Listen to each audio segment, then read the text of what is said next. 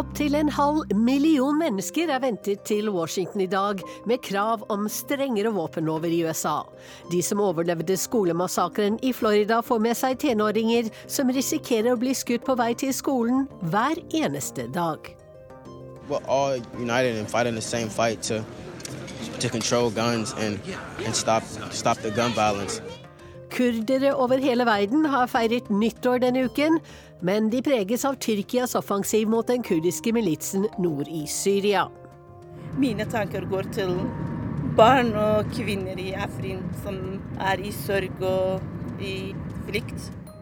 Vår korrespondent i Berlin må forsøke å forklare tyskerne hvorfor vi fikk flere medaljer enn dem i OL. Og i podkasten Krig og fred spør vi hvor farlig er egentlig en handelskrig? Vel møtt til Urix på lørdag, jeg heter Wenche Eriksen. I dag inntar kanskje så mange som 500 000 mennesker i Washington DC for å kreve strengere våpenlover i USA. Det er skoleelever fra Parkland i Florida som leder an. I forrige måned ble 17 av deres medelever og lærere drept i skytemassakren på Stoneman Douglas High School. Nå vil tenåringene fra Parkland bidra til at også andre unge som har mistet sine kjære pga. skytevåpen, får en stemme. Korrespondent Tove Bjørgaas har møtt noen av dem. Here at Thurgood Marshall, a lot of students been um, affected by gun violence. My brother personally have been, has been killed um, by a gun, and one of my classmates. Her på skolen vår er det mange som kjenner noen som er blitt skutt. Jeg også, for broren min ble drept i fjor. Zion Kelly er 17 år og forteller så nøkternt. For i Anacostia, et av Washingtons fattigste nabolag, er våpen en del av hverdagen. Tvillingbroren hans Zair ble bare 16 år. Han døde på vei hjem en kveld i september i fjor. A person, he was, um, he, he attempted to rob my brother and took his life in the, um, in the, in the moment. Han ble skutt av en 19-åring som forsøkte å rane ham, forteller Zion. Selv beveger han seg minst mulig utendørs nå. Elevene ved den videregående skolen Thurgood Marshall Academy er samlet i gymsalen. De venter gjester, men først har en av lærerne noe å si. School, despite the fear you feel traveling across the city or even being in school, you are a part of the story. Hver eneste dag dere våger turen hjemmefra for å komme på skolen, er dere en del av denne historien, sier hun. Like.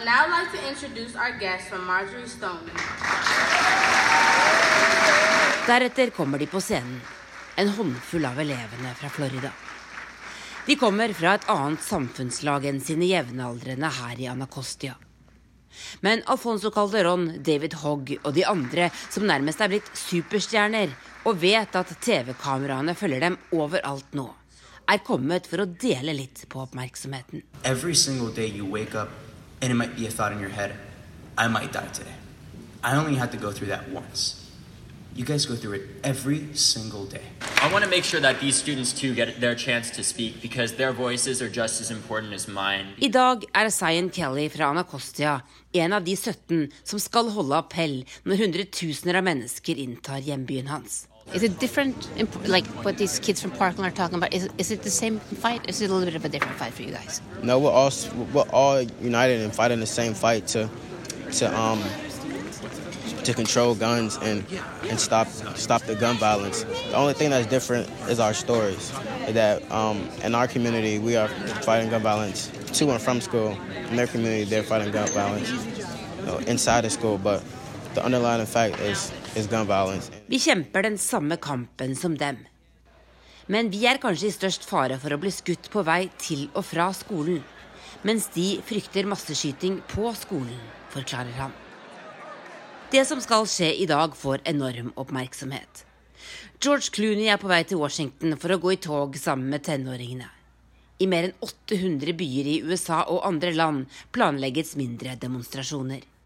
Parkland-elevene er på alle TV-kanaler og får mektig og dyktig organisasjonshjelp. Men vil kjempemarkeringen deres lede til varige endringer? So we need to conserve our energy, but we also need to implement. 17 år gamle David Hogg, som er en av dem som leder det hele, er ikke naiv. Han har gjennomskuet politikerne i Washington, forteller han en forsamling mektige beslutningstakere et annet sted i hovedstaden. It's all spectacle. If you if you look at what these politicians do when they speak most of the time, they're trying to convey a tone and sound like I can get reelected if I speak this certain way, regardless of what I say. So if, if I make all these points and move my hands in these specific ways, I can get reelected. When in reality, they aren't saying anything. Sammen med ham på debattmøte hos nyhetsnettstedet Axios er Lawrence Keane fra våpenprodusentenes bransjeorganisasjon The American Shooting Sports Foundation. Uh, not, not seen. I mean, uh, Keane mener republikanerne i Kongressen ikke har veket en tomme i sine standpunkter den siste måneden. Organisasjonen han leder, er mot både høyere aldersgrenser og forbud mot salg av visse typer våpen. The point that David and other Parkland students have made is we're children, you guys are the adults. Protect us. Don't they have a point? oh, I, I, we completely agree. Uh, you know, we need to address the issue. We need, but we need to do so in a, uh, you know, in a civilized dialogue where you respect the other person's point of view. Vi ønsker en sivilisert våpendebatt, sier han. Utenfor Thurgood Marshall Academy i Washington er det rikelig med politibiler. Masseskyting har de ikke hatt her. Men de afroamerikanske elevene har mistet like mange klassekamerater som de i Parkland, i hverdagskriminaliteten de bor midt oppe i. I feel that there needs to be an investigation in a, in a gun trafficking that's um, happening here in DC, and that the illegal guns are swept from off the streets. Zayen har helt siden broren ble drept, forsøkt å få oppmerksomhet rundt frykten for våpen han og klassekameratene føler daglig. Kritikere har også pekt på at de velartikulerte elevene i Parkland får så stor oppmerksomhet fordi de er hvite og ressurssterke.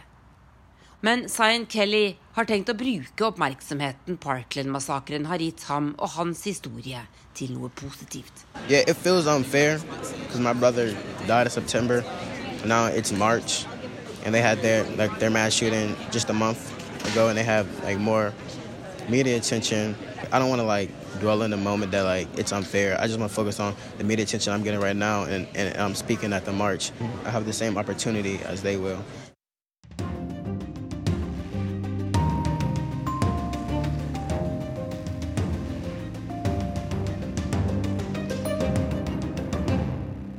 Kurdere over hele verden har er opprørte og redde etter at den tyrkiske hæren gikk inn i Syria og tok kontroll over byen Afrin. Den kurdiske YPG-militsen der ble nedkjempet av tyrkerne og deres allierte syriske opprørsstyrker.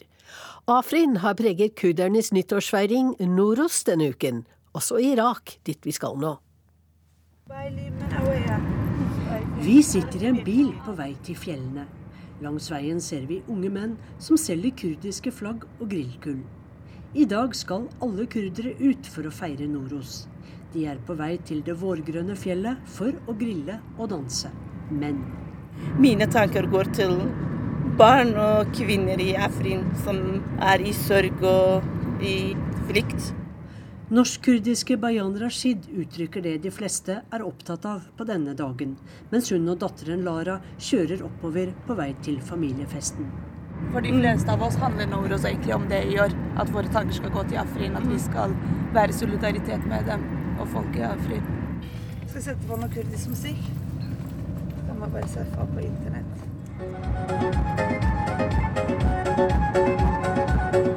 Noros er en eldgammel tradisjon fra oldtidens persiske soriaster-religion, religionen i Iran før islam.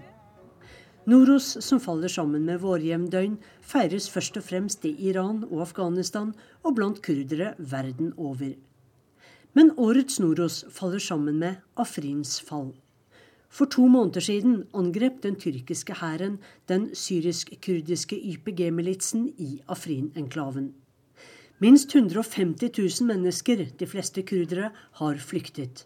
Mange har mistet livet i kampene mellom den tyrkiske hæren og tyrkernes allierte, den syriske opprørsgruppen, FSA, og YPG-militsen. Tyrkia ser YPG som en terrororganisasjon som samarbeider med Tyrkias fiende PKK, som står på terrorlisten i Tyrkia, EU og USA. Mens Nato-landet Tyrkia bekjemper YPG-soldatene, har Nato-landet USA valgt kurdiske YPG som sin allierte i kampen mot IS. Tyrkias mål med angrepet mot Afrin er å skaffe seg kontroll over deler av kurdisk Nord-Syria av sikkerhetshensyn, ifølge regjeringen. Det er sterk støtte for krigen i Tyrkia, og myndighetene forsikrer folk om at hæren har gjort alt for å unngå sivile tap. Men fra kurdisk Nord-Irak ser man annerledes på dette. Det som skjer i Afrin i dag, det med etnisk rensning, at Tyrkia invaderer Eh, og hvordan de har drept så mange sivile, er jo ekstra spesielt. Og alle kurdere kjenner nok på det når de feirer Nowroz i år. Sier Lara Rashid. For Bayan Rashid bringer kampene i Afrin tilbake mørke minner fra kurdernes liv under Saddam Hussein. Min mor familie ble drept. Jeg tenker mye på dem som ble drept for 30 år siden. Fordi de var bare uskyldige mennesker som bodde i landsby, var opptatt av landsbruk og jordbruk og eh, sine gårder. Og så plutselig Saddam-regimet angrep landsbyen deres, og så drepte dem. Bayan er fra Kirkuk, men har flyktet flere ganger. Og i 1999 brakte borgerkrigen i Irak familien Rashid til Norge. Nå er familien tilbake i et langt fredeligere Nord-Irak for å feire nyttår med storfamilien. Vi kjører oppover og oppover mot Sjaklava. Kurderne er ikke alene om å være opprørte over tyrkernes militære felttog i Nord-Syria, for også Nato-allierte reagerer. Tysklands statsminister Angela Merkel fordømte Tyrkias angrep denne uken. Til tross for alle legitime sikkerhetsgrunner Tyrkia har, er det som skjer i Afrin uakseptabelt, sa Merkel i Riksdagen på onsdag. Vi er fremme i Sjaklava. Hos familien er det dekket til et gedigent Noros-måltid. Ris med kaneler og nøtter, dolma, salater og all slags godsaker er dekket utover en stor duk. De snakker om Afrin mens de spiser. Abu Bakar Rashid Mustafa mener USA har sviktet kurderne i Syria. Det er uh, veldig dårlig gjort, og amerikanere også ikke har kommet inn i denne saken mot tyrkere, eller stoppet tyrkere. Afrin, som ligger et par timers kjøring fra middelhavskysten, ga kurderne et lite håp om en korridor til havet. Fordi det er nær, nærmeste eh, by til Middelhavet.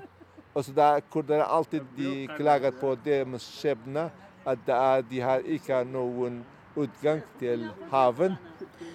Da franskmenn og briter tegnet Midtøstens nåværende grenser etter første verdenskrig, ble kurderne oversett.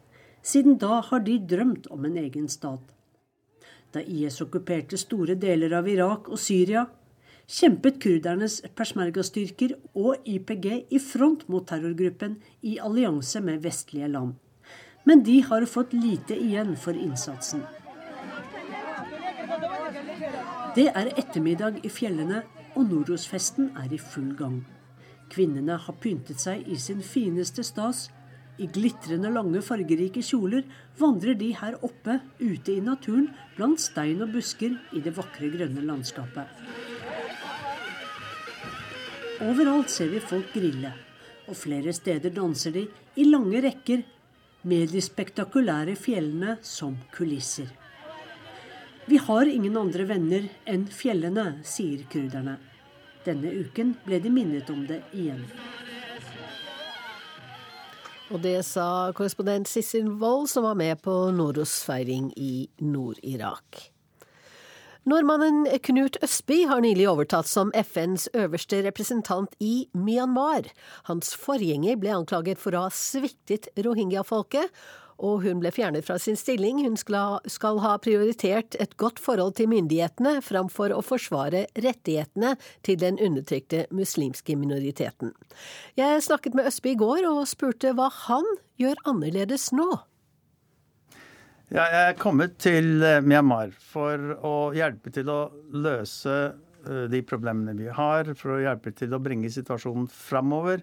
Én ting vi må være helt sikre på at vi gjør noe med, er å sette menneskerettigheter i sentrum av hva vi gjør. Så vi har eh, startet opp igjen det arbeidet som foregikk for litt over et år siden med en koordineringsgruppe for menneskerettighetsarbeid i FN-systemet i landet, og med hva vi kaller Human Rights Up Front, som er eh, en mekanisme hvor vi bringer inn de som ikke er eksperter på menneskerettigheter, til også å bidra til, til uh, menneskerettighetsarbeidet i landet. Vi er nødt til å ha et, en veldig prinsipiell angrepsvinkel på det vi gjør. Men jeg mener også veldig sterkt at Eh, mens vi nå har prinsipper og sørger for at eh, vi eh, setter menneskerettigheter i sentrum, så må vi ha et like stort fokus på hva vi skal få gjort. Vi må ha et fokus på hva mennesker har behov for, enten de er flyktninger, som nå er i Bangladesh, eller de er fattige mennesker i Myanmar, eller andre som, som trenger hjelp. Og vi må prøve å få gjort noe praktisk, noe som hjelper dem. Ser du noe framgang i det hele tatt når det gjelder rohingyaenes situasjon? Vi har en Det var en voldsom stor krise i fjor med veldig alvorlige brudd på menneskerettighetene. Og eh, det sitter nå nesten en million rohingya-flyktninger i Bangladesh. Eh, ingen av de har kommet tilbake enda, og det er enda noen som eh, beveger seg over grensen, eh, selv om det er et relativt lite antall. Situasjonen har ikke bedret seg i landet på noen måte som gjør det mulig for flyktninger til å komme tilbake. Det er situasjonen i Rakhine State, det området hvor de kom fra, er ikke slik i dag at det er mulig for disse flyktningene å komme tilbake på en en måte som kan være frivillig, eller hvor du kan leve et ordentlig liv. Eh, men jeg mener veldig sterkt at vi må jobbe for at det skal bli mulig for at de skal komme tilbake.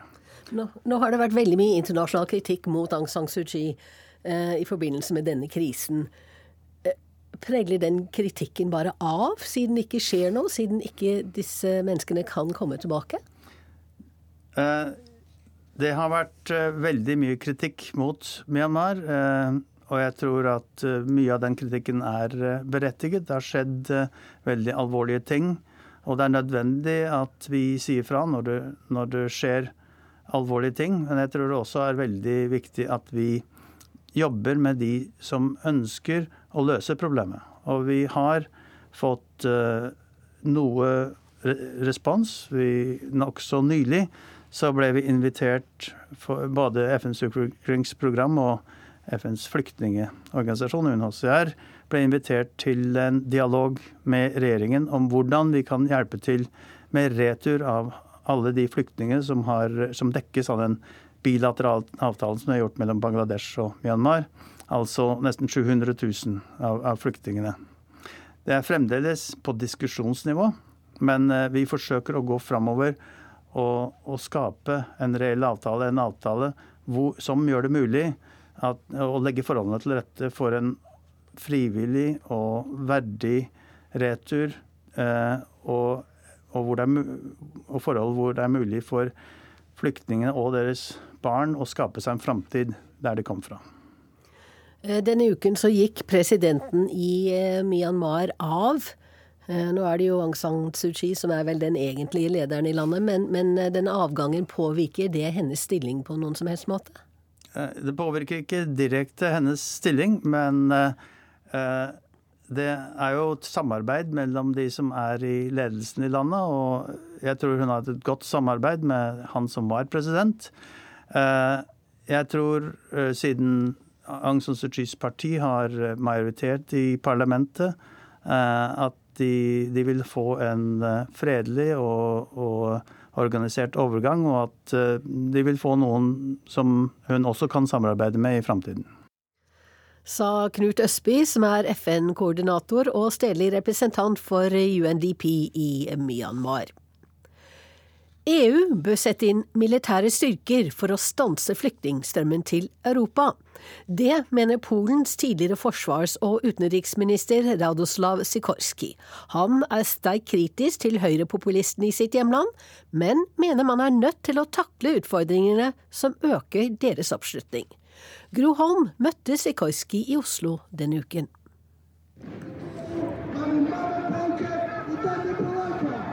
Warszawa 11. november i fjor. Polen feirer sin uavhengighetsdag. 60 000 mennesker bruker dagen til å demonstrere mot innvandring, med slagord som et rent Polen, et hvitt Polen og 'flyktninger, ha dere ut'. Det var et vakkert syn, sa Polens innenriksminister. En marsj for patrioter, sa polsk fjernsyn. For Polen holder fast på sitt nei til EUs flyktningpolitikk, som fra 2015 ville betydd 6200 flyktninger, hovedsakelig fra Syria, til et Polen som har 38 millioner innbyggere.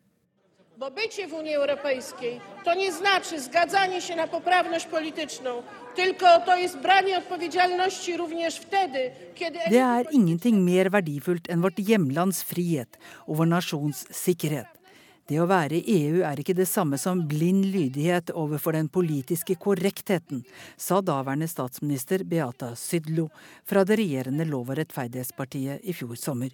If we uh, want to stop uh, populism rising further, we should address the issue that gave them credibility, namely the sense of a loss of control over the perimeter and, un and, and unrestricted immigra immigration. Hvis vi ønsker å hindre at populismen vokser seg enda sterkere, må vi takle spørsmålet som sikrer dem troverdighet, nemlig følelsen av å ha mistet kontroll og ukontrollert innvandring. Det sier Polens tidligere forsvars- og utenriksminister Radoslav Sikorski. Han var utenriksminister fram til 2014, og satt deretter som president i nasjonalforsamlingen fram til sommeren 2015. Nå er han gjesteforsker ved Oxford i Storbritannia og Harvard i USA. Hans parti, det liberalkonservative, kristeligdemokratiske Borgerplattformen, er nå i opposisjon i Polen.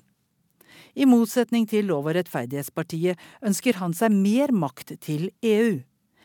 I desember i fjor vedtok EU å opprette og å utplassere felles væpnede styrker, PESCO. De bør brukes til å beskytte EUs yttergrense, mener Sikorski.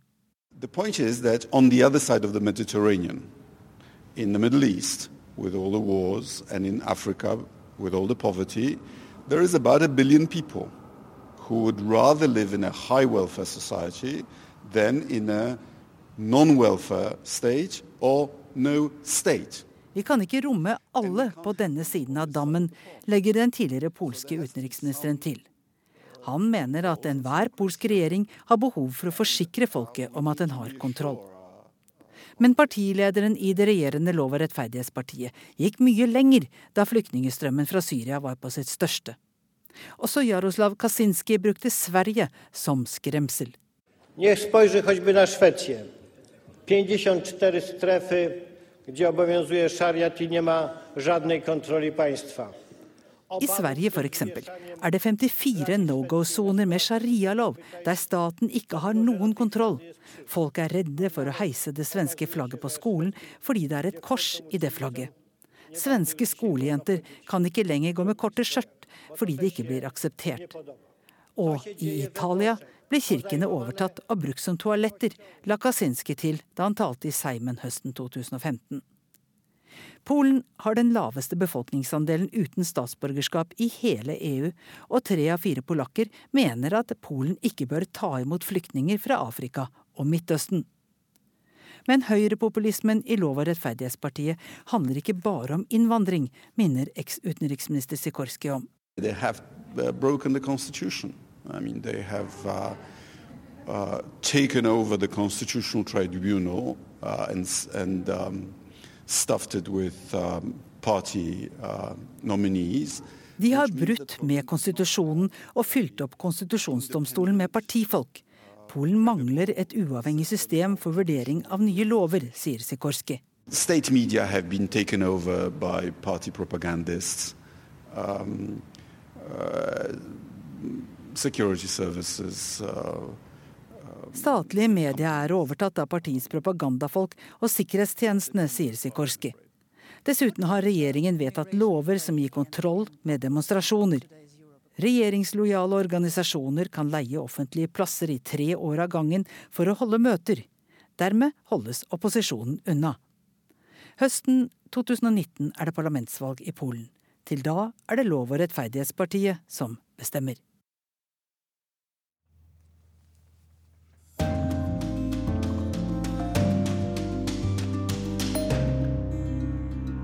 Ukens korrespondentbrev er postlagt av Guri Nordstrøm i Berlin, og handler om hvordan det er å oppleve norsk gullrush i utlandet. Hvorfor slår Norge oss? Denne meldingen tikker inn fra min tyske nabo i Berlin en morgen i februar. Etterfulgt av et vennskapelig ha-ha. Vi er midt i vinter-OL, norske idrettsutøvere gjør storeslem i Pyeongchang, og det er deilig å være norsk i Tyskland, sole seg i medaljeglansen og den positive oppmerksomheten, og som nordmenn flest like så godt ta store deler av æren for seierne selv, selv om man personlig overhodet ikke har hatt noe med innsatsen å gjøre, er langt unna, og i mitt tilfelle går på bar asfalt her i Berlin. For det at vi vinner så mye, det har vel ikke bare med utøvernes egen utrettelige innsats, nitidige trening gjennom mange år og forsaking av alt annet å gjøre, har det vel? Det har vel også noe med det enkle faktum at vi rett og slett er nordmenn, har det ikke? At man kan bli litt middels ko-ko og romantiserende over eget hjemland når man bare bor lenge nok i utlandet, er ikke noe nytt. Allerede i 1772 dannet patriotiske norske studenter Det Norske Selskap i København med hyldningsdikt av den norske bonden. Der hjemme, lysår unna dem selv og akademias irrganger. Eller de rundt 4,5 millioner norsk-amerikanerne i Midtvesten, hvor mange omtrent fortsatt går med bunad til hverdags og spiser lutefisk hver søndag. Det er altså bare å følge på i denne stolte tradisjonen av nordmenn i utlandet, som både med og uten falsk beskjedenhet egentlig er kjempestolte av hjemlandet sitt. Tidenes medaljeskred hjelper ikke akkurat på ydmykheten. Og når vi kommer fra et bitte lite land som Norge, med god historisk samvittighet, så er vi vel også så privilegerte at vi kan koste på oss denne nasjonalromantikken i hvert fall sånn hvert fjerde år. Særlig når lille Norge kappes mot kjempen Tyskland om å ta mest medaljer i Pyeongchang. Norge og Tyskland har kaptes i OL før. Alle som husker The Best Winter Games Ever, også kjent som Lillehammer-OL, husker vel også hvordan den tyske skihopperen Jens Weisflog viste stinkefinger, altså fingeren, til det norske publikummet i Lysgårdsbakken. Under lekene i Sør-Korea er det imidlertid kampen om å toppe medaljestatistikken mer vennskapelig enn som så. Riktignok får vi like mange gull, hele 14 hver, men Norge tar likevel førsteplassen med 39 medaljer sammenlagt, mens Tyskland kommer på andreplass med sine 31. Og hvordan er det mulig? Norge med sine rundt fem millioner innbyggere mot Tyskland, som kan plukke utøvere fra et utvalg på over 80 millioner. Det er nå ikke lenger bare naboen min som spør om hvordan et av verdens tynnest befolkede land kan gjøre det så godt i OL at de til og med slår Europas kjempe. I mediene i både Tyskland og Østerrike, som også er velstående og har gode forutsetninger for vintersport, stiller de seg det samme spørsmålet. Ikke overraskende, kanskje, ser de systematiske tyskerne først og fremst på hvordan vi nordmenn organiserer oss for å finne svaret. Og Olympiatoppen blir trukket frem som det store orakelet. Mediene beskriver hvordan sponsorer, fagfolk, trenere og utøvere har samarbeidet siden 1988, og om gode stipendordninger til utøverne, slik at de kan fokusere på sporten på heltid. De 6000 astmamedisinene som er med på lasset til Pyeongchang, nevnes også, Og tyske Spiegel skriver at vi tydeligvis er et astmatisk folkeslag. Men oppsummert er det fantastisk for et norsk hjerte å følge OL-sendingene på tysk TV når kommentatorene stadig utbryter hva er det disse nordmennene er laget av? Og i fullt alvor spør må man være nordmann for å hoppe så langt? Den østerrikske avisa Der Standard har hentet inn sin landsmann og vår hopptrener Alexander Støkkel for å forklare det norske skiidrettsvidunderet. For han må vel vite. Han har jo hengt med disse mystiske vikingene der oppe i nord helt siden 2011. Og østerrikeren Støkkel leverer varene, slik vi nordmenn liker det, også her. Til tross for alle distraksjoner som vår tid bringer, så er tiden som tilbringes i naturen, den aller viktigste for nordmennene, forklarer Støkkel. Og han fortsetter. Familiene går ut, Uansett hvilken årstid det er, uansett hva slags vær det er. Dessuten vokser nesten alle nordmenn opp med ski på beina. Ofte ser man at høy velstand kan redusere sportslige ambisjoner, men ikke her. Sport er en naturlig del av livet, uten at den er påtvunget. Og dette er jo som om vi nordmenn skulle ha sagt det selv, for dette passer jo rett inn i det selvbildet vi liker å ha. Men det smarteste er jo alltid å få andre til å skryte av deg, istedenfor at du gjør det på egne vegne. I Spiegel forklarer de den norske suksessen på denne måten. Om vinteren er det pålitelige snøforhold, og barna har ikke annet valg enn å sette på seg ski. Det ville ikke engang falle nordmennene inn å ikke gjøre det og Kjetil André Aamodt følger opp i samme stil når han blir spurt av den østerrikske avisa Salzburger Nachrichten om den norske gulloppskriften i artikkelen med den nydelige tittelen Gull, gull, gull. Hvorfor Norge gjør rent bord i OL. I Norge er det åtte måneder vinter. Hva skal vi ellers gjøre der? Det er en selvfølge at norske foreldre tar med barna sine på sport, vekk fra datamaskiner og mobiltelefoner, forklarer Aamodt avisa og på den tyske sportssiden Sport.de skriver de enda mer som vi nordmenn elsker å lese. Lille Norge har bare en brøkdel av innbyggerne til sportsnasjonene Tyskland og USA. Likevel har de langt mer suksess, og det er ingen tilfeldighet, skriver de. De trekker frem det gode samholdet mellom utøverne, og skriver at det er en lagånd som er helt unik at det er uvanlig å se hvordan de som konkurrerer mot hverandre, likevel gleder seg på hverandres vegne og trøster hverandre dersom det ikke går bra, slik vi for eksempel ser at dronningen Marit Bjørgen gjør, skriver de. De forteller om det utrolige at Kjetil Jansrud skammet seg da han kjørte ut i storslalåm. At han sa det handlet om respekten for de fire plassene som Norge hadde i dette OL-rennet, og at hjemme i Norge satt det flere kvalifiserte løpere som gjerne ville ha hatt hans plass.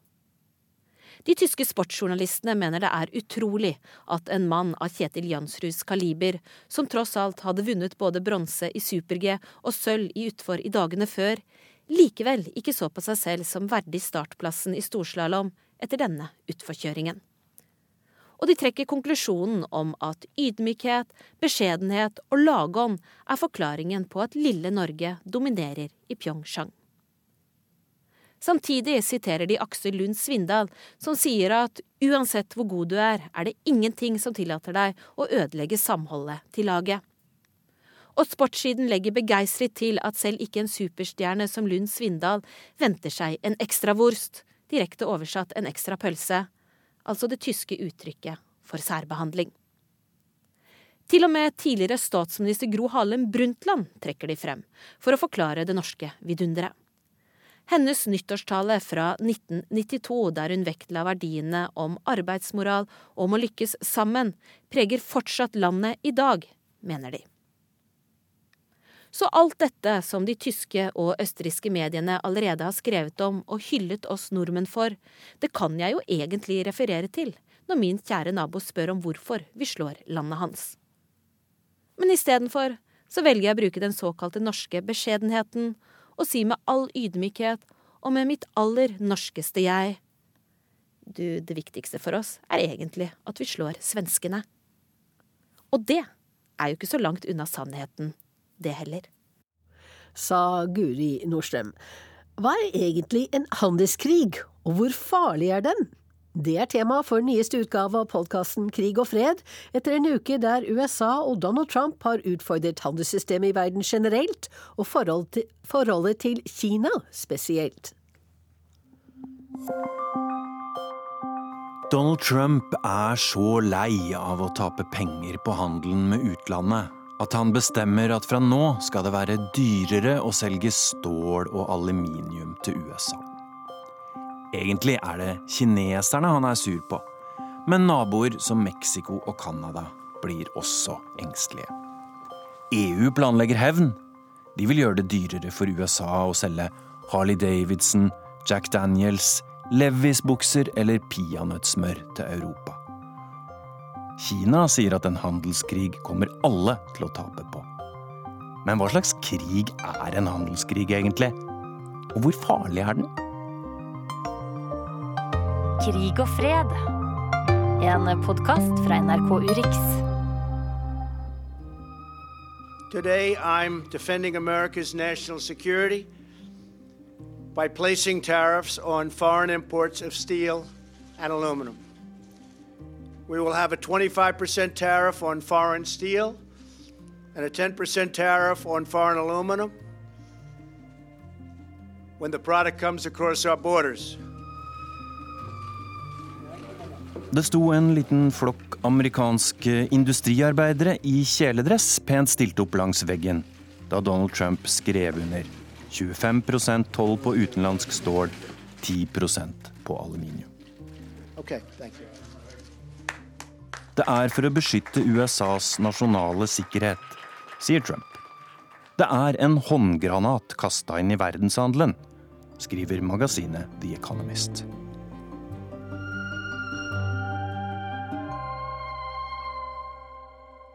Eh, jeg heter Andreas Moxnes. Jeg er professor i samfunnsøkonomi på Økonomisk institutt, Universitetet i Oslo.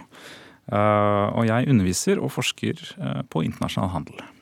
Og hva er det som skjer nå, egentlig? Det som skjer nå, er at USA har satt opp tollsatser på ja, I første omgang er det nå stål og aluminium. Kjøleskap skjedde for et par måneder siden. Så det går jo på en måte i retning av en mer proteksjonistisk verden, mens vi har tidligere på en måte sett at USA har vært leder egentlig for handelsliberalisering. Så, så nå går vi litt i motsatt retning igjen. Mindre frihandel i verden, rett og slett?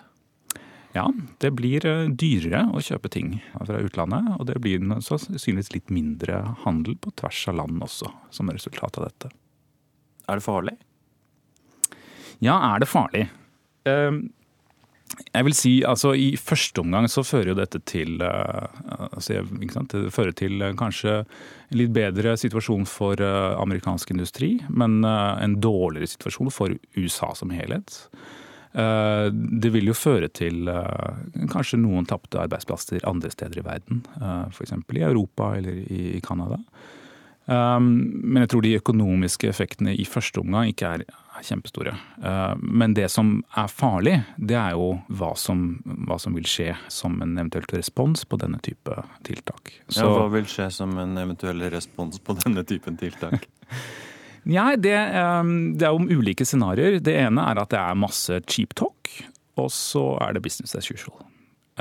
Det er ett alternativ. Alternativ to er at vi ser store gjengjeldelser. Mot USA. I, mot USA, I EU, i Kina, i Canada, Brasil osv. Og det er da det vi kaller en handelskrig. At du får en sånn nedadgående spiral med høyere og høyere tollsatser blant flere og flere land som gjengjelder hverandre. Ja, Hva er en handelskrig egentlig? Ja, Det er nettopp det. At du har et land som begynner å sette opp tollsatsene. Så er det et annet land som føler at dette er skadelig for dem, så de, de skal ta igjen. De skal gjengjelde tollsatsene og prøve å skade den, den, det landet som, som startet. Så, så, det er en sånn tit for tat, da, kan du si. Og, og det, det, vil jeg si at det kan være farlig. For det er, en, det er, en, krig som ingen kan vinne. Det skader absolutt alle. Selv den, den stålindustrien som Trump i utgangspunktet ville beskytte.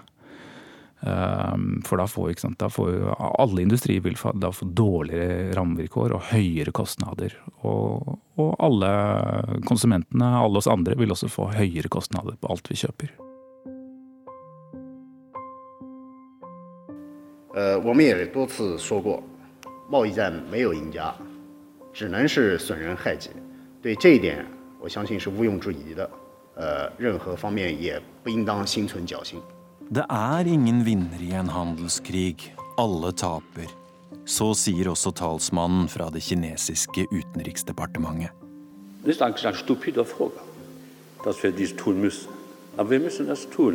Mens EU-kommisjonens sjef Jean-Claude Juncker tar en litt annen tone. Dette er bare dumt, men vi kan også gjøre dumme ting om vi må. Vi forhenger jetzt Zölle auf äh, Motorrädern, Harley Davidson äh, auf Jeans, Levis auf Bourbon. So blöd können wir auch. So blöd müssen wir auch sein. Ich hätte lieber gehabt.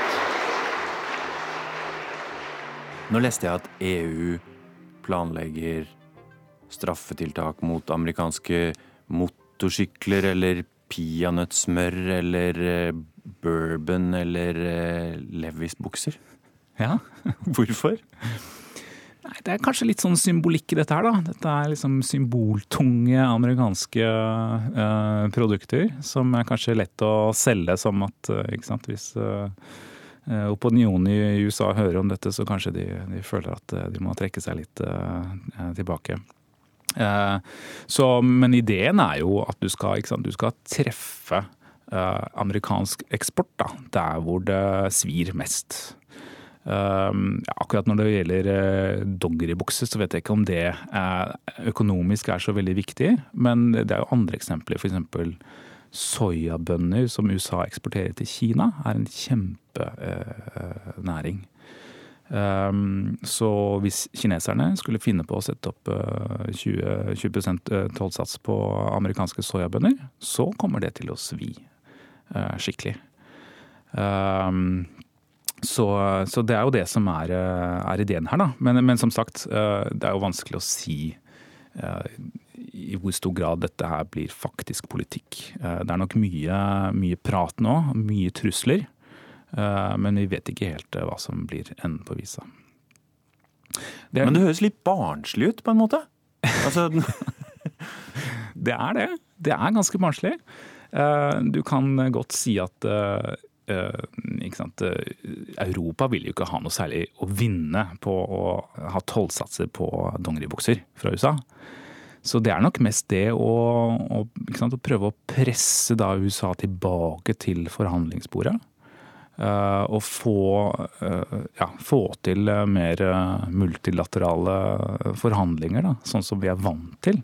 Eh, i eh, internasjonal handel siden annen verdenskrig. At det er et eh, handelssystem som egentlig har, har vært førende for, for hvilke tollsatser vi har.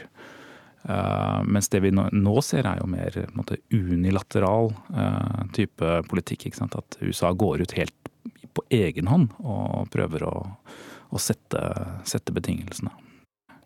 Så det er på en måte basert på et felles sett med spilleregler. Da som, eh, som eh, har vært helt sentralt, tror jeg, for, eh, for, å få til den økonomiske globaliseringen vi har hatt i, i nå mange, mange tiår.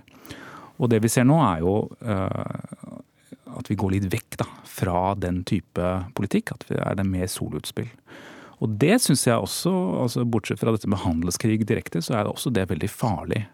At du får et uh, mer sånn fraksjonalisert uh, type handelssystem, hvor egentlig ingen vet helt hva spillereglene er. For det er det Trump egentlig gjør når han går litt ut fra, vekk fra, fra spillereglene.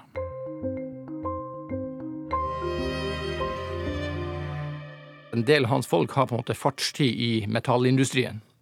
Og, og, eh, og, vi må også tenke at dette er på en måte dette er også å betale litt for valgkampen. Altså Trump lovet toll over lav sko i valgkampen. Han skulle innføre toll på Kina, på Mexico og hvem det nå enn var, og, og nå leverer han på en måte varene han innfører toll. Vel å merke så må man si at dette er bare ett tiltak. De forbereder mange. Og de har på en måte skjerpet knivene i et år etter at Trump tok over, og nå vil det komme tiltak på løpende bånd. Ja, mitt navn er Arne Melkjord. Jeg er forsker, seniorforsker ved Norsk utenrikspolitisk institutt, hvor jeg har forsket på internasjonal økonomi og handel i eh, etter hvert en mannsalder. Altså, Trump har jo tatt med sin forhandlingsstrategi i verdenspolitikken. Så han kaster jo dette inn som et forhandlingskort i alle mulige sammenhenger. og vil på en måte sette eh, revolveren til hodet på eh, samtalepartnerne, og så skal de forhandle om tilpasning. Ja, for dette var jo noe Trump snakka mye om i valgkampen. At han var så utrolig god til å lage avtaler, og at USA hadde så fryktelig mange dårlige avtaler. Altså, I hovedsak så tror jeg man kan si at dette er, dette er tull. Så USA har jo fått sin vilje gjennom i en del avtaler. Og, og denne avtalen i Stillehavsområdet den, den tok jo opp eh, f.eks. patentbeskyttelse, teknologibeskyttelse, som er et av Trumps eh, måte, hovedpunkter.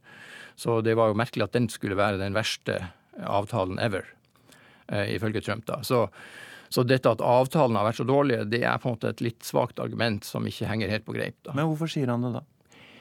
Ja, Det er litt sånn at du gir utlandet skylden. Altså handelsavtalen Det er jo noen analyser av amerikansk valgkamp som, eh, som sa at uh, sinnet var på en måte mer for, på uh, f.eks. migrasjon. Mens da i løpet av valgkampen så ble handelspolitikken oppgradert. Så den ble på en måte en skyteskive. Ja, for alle disse avtalene har jo sånne bokstavforkortelser, og NAFTA og TTP og TTIP og WTO, og alt dette har blitt skjellsord i, i i Trump-kretser? Ja, det har jo det. Og, men det som er eh, paradokset her, det er jo at eh, altså, økonomisk analyse tilsier at det vil være lurt for USA å inngå flere handelsavtaler. Eh, men de har jo feilet da med f.eks. denne planen om Free Trade Area of the Americas. De har nå kansellert TPP i Stillehavet. Forhandlingene med Europa i den såkalte TTIP er jo lagt på is. Så, så det paradoksale er jo at USA kan bli hengende etter. Eh, og tape økonomisk på det. I was laid off three times within six months until I was permanently laid off. I graduated with my bachelor's and I haven't been able to find anything. Jobs disappear. And the way the economy is going right now, it's tough to find a job. When the workers in China are being abused, then workers in America have a tougher time competing against them. Peter Navarro, hvem er han? Hi, I'm Peter Navarro, Director of Death by China. And please, help defend America and protect your family. Don't buy made in China. Altså, Peter Navarro han er jo en økonom og egentlig i utgangspunktet akademiker og forsker. Han er eh, Trumps fremste handelspolitiske rådgiver. Hva står han for? Han, eh, for det første så, eh, så, står han for Han har jo skrevet en rekke bøker som har en veldig kraftig brodd mot Kina.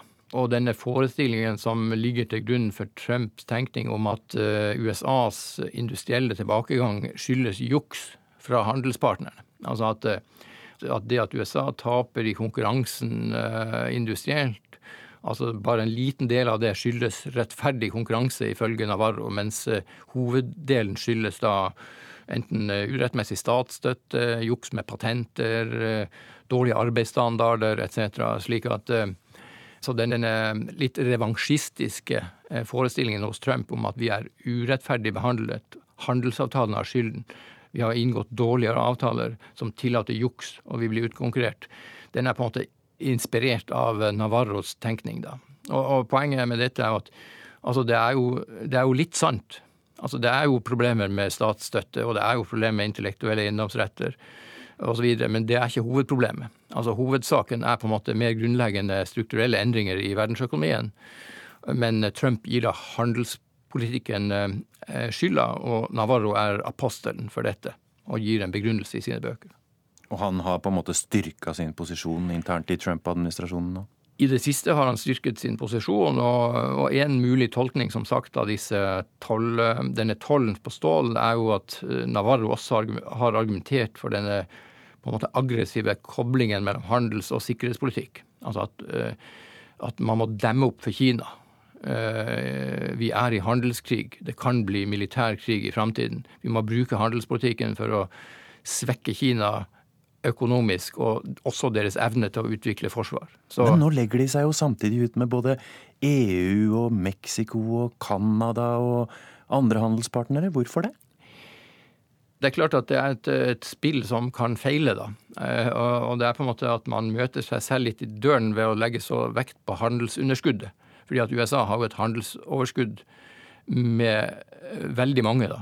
Eh, slik at, at denne handelsunderskuddargumentasjonen, hvis den skulle være riktig, så måtte på en måte hele verden være juksemaker. Ja, altså alle har jukset og bedratt USA og inngått avtaler som gjør at de kan drive urettferdig konkurranse. Og det er jo en helt urimelig tolkning, da. Så, så det er både den handelsbalanseargumentasjonen men så er det den eh, forhandlingstaktikken til Trump. Han, eh, han respekterer ikke diplomatiets diskré sjarme. Han går hardt ut. Han går ut med, med krav som han håper vil virke inn i forhandlingene. Men kan det være en gryende handelskrig vi ser her? altså, ja, det, altså, disse tiltakene kan bli møtt med mottiltak, og sånn sett skape en større konflikt. Og, og det som er kanskje viktigste, er jo om Trump undergraver handelssystemet som sådan.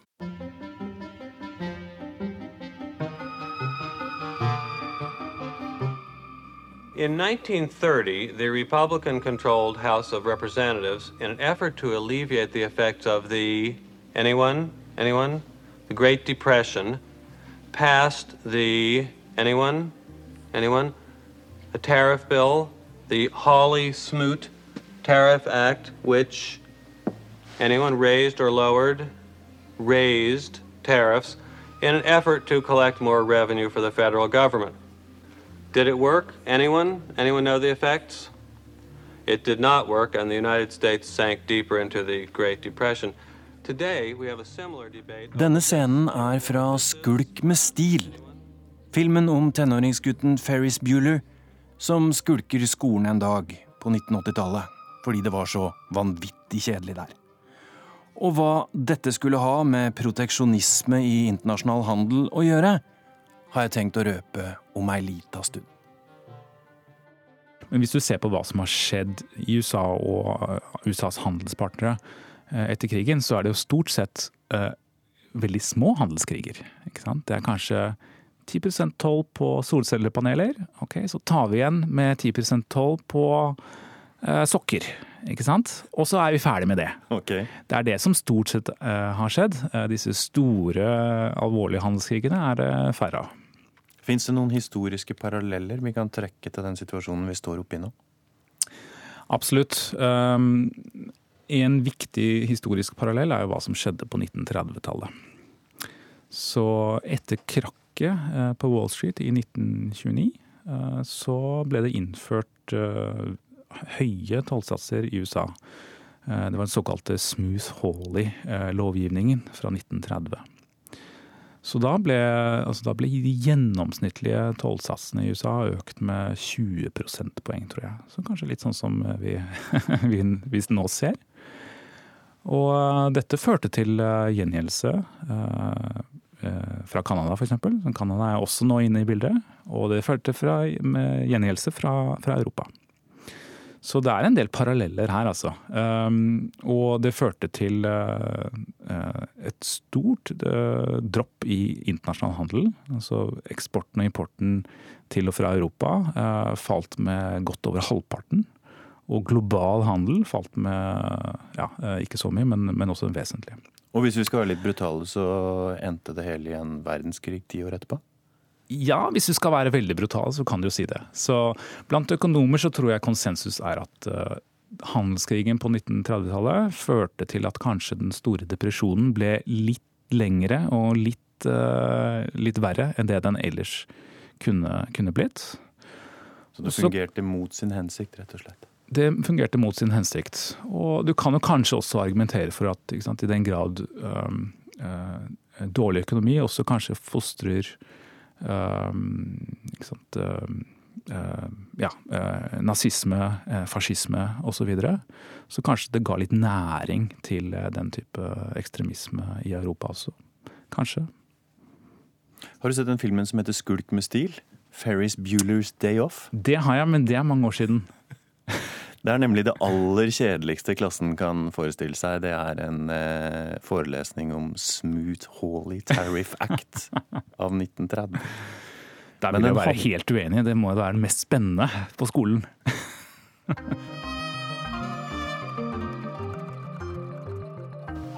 Anyone? Anyone seen this before? Something DOO economics. Voodoo economics. Ja, torsdag kveld varslet president Trump flere handelstiltak rettet mot Kina, mens eh, noen av USAs allierte, men ikke Norge, foreløpig har fått et unntak fra den nyinnførte tollen på stål og aluminium. På podkasten Krig og fred var det Tore Moland som hadde ansvaret for. Krig og fred har en aldri så liten påskeferie, men Urix på lørdag er på plass for fullt på selveste påskeaften. Teknisk ansvarlig for denne sendingen har vært Finn Lie, produsent Vidar Eidhammer, og her i studio satt Wenche Eriksen.